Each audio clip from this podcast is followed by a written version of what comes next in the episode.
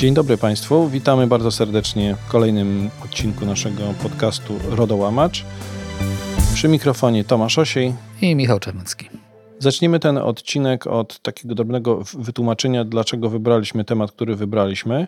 Wybraliśmy temat związany z zabezpieczeniami technicznymi, środkami technicznymi. W zasadzie trudno jest nawet określić ten temat jednym słowem, dlatego że wiele osób, naszych klientów, ale osób, które też piszą na portal, Przypuszczamy, że urząd ma z tym samym, tą samą kwestią problem. Zwraca się z pytaniem o taką listę środków, które są niezbędne, wystarczające do tego, żeby zabezpieczyć dane, czyli do takich warunków brzegowych, jak to zostało nazwane podczas webinaru, który odbył się w Urzędzie Ochrony Danych Osobowych. I my, korzystając trochę z tego, co zostało powiedziane w trakcie tego webinaru, postanowiliśmy powiedzieć na ten temat trochę więcej i odesłać do tego, co udało nam się wyczytać z treści webinaru.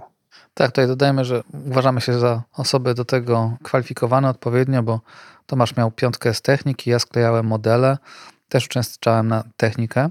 I zaczniemy chyba od tego, że sam urząd się w czasie tego webinaru tłumaczył, że te niewskazanie wprost tych konkretnych warunków brzegowych stosowanych środków no nie wynika ze złej woli organu czy, czy niestosowania się do przepisów RODO, ale z faktu, że powinny być one dobierane indywidualnie i powinny opierać się na powinny się opierać na analizie ryzyka, ale jeszcze chciałem wrócić do tego stwierdzenia, które powiedziałeś, którego nie mogę pozostawić bez odpowiedzi, mianowicie tak, uczęszczałem na zajęcia praktyczno-techniczne, w związku z tym rzeczywiście jesteśmy niezwykle predysponowani do tego, żeby powiedzieć o zabezpieczeniach technicznych i powiemy o nich jako osoby, które jednak studiów inżynierskich nie skończyły, ale mamy taką wizję przed sobą, że jeśli powiemy o tych zagadnieniach w miarę ogólnie, ale jednocześnie pokażemy tą ścieżkę, to nam się uda ale spróbujmy, bo rzeczywiście punktem wyjścia jest coś ewidentnego dla wszystkich, czyli analiza ryzyka,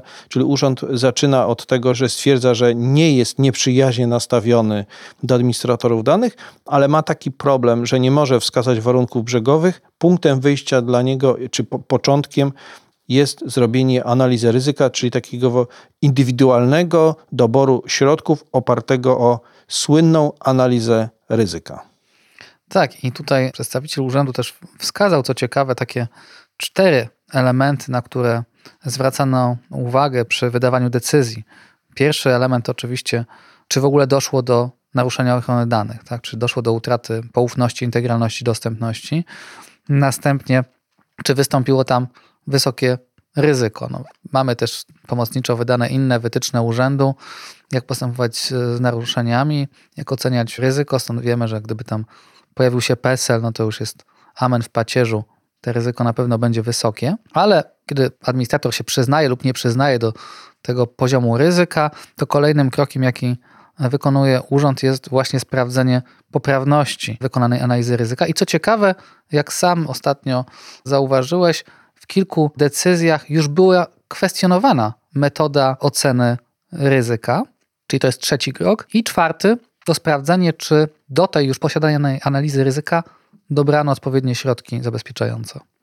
No i tutaj są dwie kwestie bardzo ciekawe. Mianowicie, no nie uciekniemy od takich określeń jak wdrożenie odpowiednich środków technicznych i za wyjaśnienie, co znaczy odpowiednie, to konia z rzędem temu, kto powie, co znaczy odpowiednie, ale no cała zabawa z RODO trochę polega na tym, że ktoś napisał akt prawny, stworzył, który został oparty w dużym stopniu o analizę ryzyka.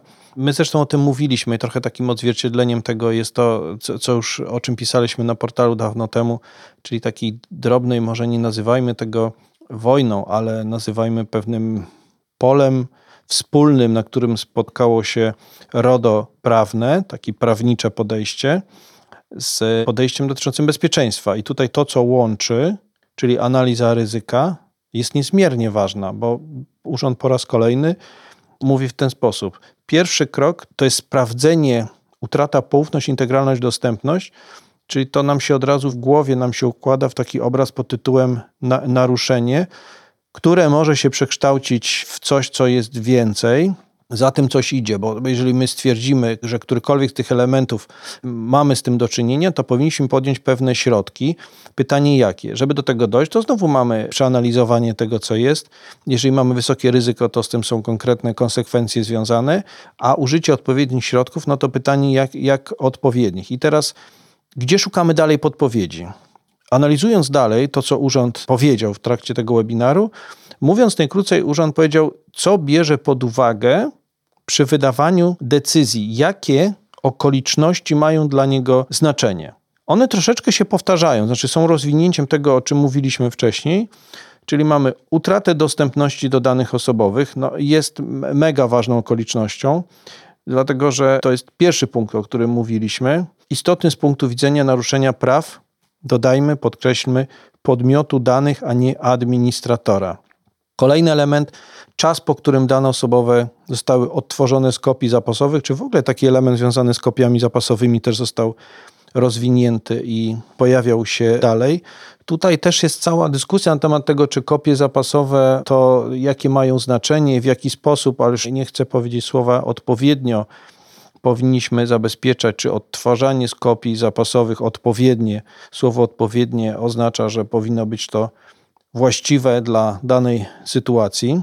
Tak inteligentnie staramy się z tego wybrnąć.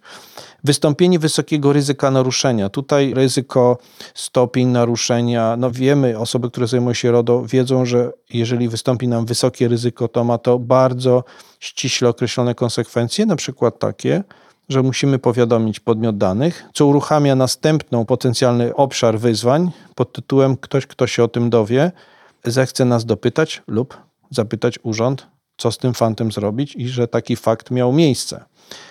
Mamy kolejną rzecz, aktualne oprogramowanie. Urząd zwraca uwagę na to, wypunktowując to w swoim wystąpieniu, powiedział wyraźnie, że aktualne programowanie jest bardzo ważne. Stosowanie odpowiednich procedur odtworzenia danych z kopii zapasowych po wystąpieniu incydentu. To trochę się wiąże z tą wcześniej kopią zapasową. Stosowanie przez administratora stałego monitorowania aktualizacji systemów de facto aktualizacja oprogramowania. To też się z tym wiąże. I urząd zwraca uwagę na końcu w swoich punktach, pisze brak właściwie sporządzonych analiz ryzyka. Czyli w zasadzie spina tą analizą ryzyka wszystko to, co było powiedziane do tej pory. Znaczy powiem tak, trochę to wygląda tak chaotycznie, bo mamy tak, utratę dostępności, później mamy kopie zapasowe, później następny punkt mówi o wysokim ryzyku, później mamy znowu powrót do kopii zapasowych, mamy aktualne oprogramowanie, aktualne oprogramowania i wszystko to jest spinane analizą ryzyka. No ale te wszystkie punkty tak czy inaczej mogą być dla nas ściągawką do tego, co robić. Nie ulega wątpliwości, że punktem wyjścia i zamknięcia jest dla nas analiza ryzyka. Tak, znaczy to jest taki nasz wniosek. Leitmotiv. Wejściowy i wyjściowy. To znaczy często obserwowaliśmy u nowych klientów taką sytuację, że Przeglądamy się temu, co posiada administrator. Rzeczywiście posiada wspaniałe polityki, opisane procedury. To jest gotikiem 14, są piękne obrazki. No ale na przykład w gorszym stanie są właśnie te zabezpieczenia techniczne, oprogramowanie, kopie zapasowe, sieci, etc. A z drugiej strony mieliśmy do czynienia też z takimi sytuacjami, że był jeden i drugi element na wysokim poziomie, czyli były piękne procedury, piękne polityki, bardzo zaawansowane, drogie narzędzia informatyczne, ale nie było łącznika między nimi. Czyli zgodnie z zasadą rozliczalności nie można było wykazać, że te oprogramowanie, te środki, te zabezpieczenia są adekwatne dla zagrożeń, jakie zidentyfikowano, jeżeli chodzi o potencjalne naruszenie praw i wolności osób. I stąd urząd też w dalszej części tego swojego webinaru rzeczywiście wskazał na takie obszary, które jego zdaniem powinny zostać szczególnie zaopiekowane. I te podpowiedzi, które znajdujemy dalej, mówiące o tym, co się znalazło w decyzjach, urząd zwraca uwagę, czy nakazał, mówiąc prosto, przyjrzenie się odtwarzaniu danych po wystąpieniu incydentu. To jest trochę takie zebranie statystyczne tych zaleceń, które urząd umieścił w decyzjach, o tyle ważne, że tak, tu są cztery punkty, za chwilkę podam te trzy kolejne. One się w sposób logiczny wiążą z tym, co było wcześniej i są dla nas takim drogowskazem, czy powiedzmy informacją, co najczęściej urząd nakazuje w decyzjach od takiej strony bezpieczeństwa. Poprawienie i aktualizacja procedur odtwarzania danych po naruszeniu, odtwarzanie danych, ale też aktualizacja oprogramowania i kolejna rzecz, którą wiąże się z tym no, w sposób ewidentny. ponowne sporządzenie analizy ryzyka w celu uwzględnienia zagrożeń w postaci ataku złośliwego oprogramowania i tak dalej. Znaczy generalnie rzecz biorąc sporządzenie analizy ryzyka ponowne, czyli zamknięcie tego wszystkiego analizą ryzyka po incydencie i sprawdzenie co się zmieniło, to na to można trochę spojrzeć szerzej. Za chwilkę do tego wrócimy. I teraz, jeżeli mamy kolejny punkt, który mówi o aktualności oprogramowania, to ja bym powiedział tak, że z tych czterech punktów można by zrobić tak naprawdę dwa. Jeden punkt dotyczy naprawienia tego, co było, czyli przyjrzenia się procedurze, odtworzenia aktualności programowania, czyli weryfikacja tego, zrobienie analizy ryzyka, ale ja też widzę to troszeczkę szerzej. To znaczy, jeżeli był jakiś incydent i mówi się o analizie ryzyka i tych nowych elementów, które do tego doszły, to jest przyjrzenie się procesowi, co jest równie ważne, jak żeby nie powiedzieć, że jest jeszcze większą wartością, bo to ma nas zabezpieczyć na przyszłość. I to, co nakazał urząd, to jest po prostu ponowna weryfikacja po incydencie, poprawienie tych elementów, sporządzenie ponownej analizy ryzyka, tylko użyję takiego słowa porządnej analizy ryzyka i poprawienie. W sumie logiczne, zamyka nam to całościowo obszar. W wykonaniu może być trochę trudniejsze, bo wymaga od nas trochę pracy, no ale wszystko oczywiście zależy od tego, z jakim ryzykiem mieliśmy do czynienia i co musimy zrobić.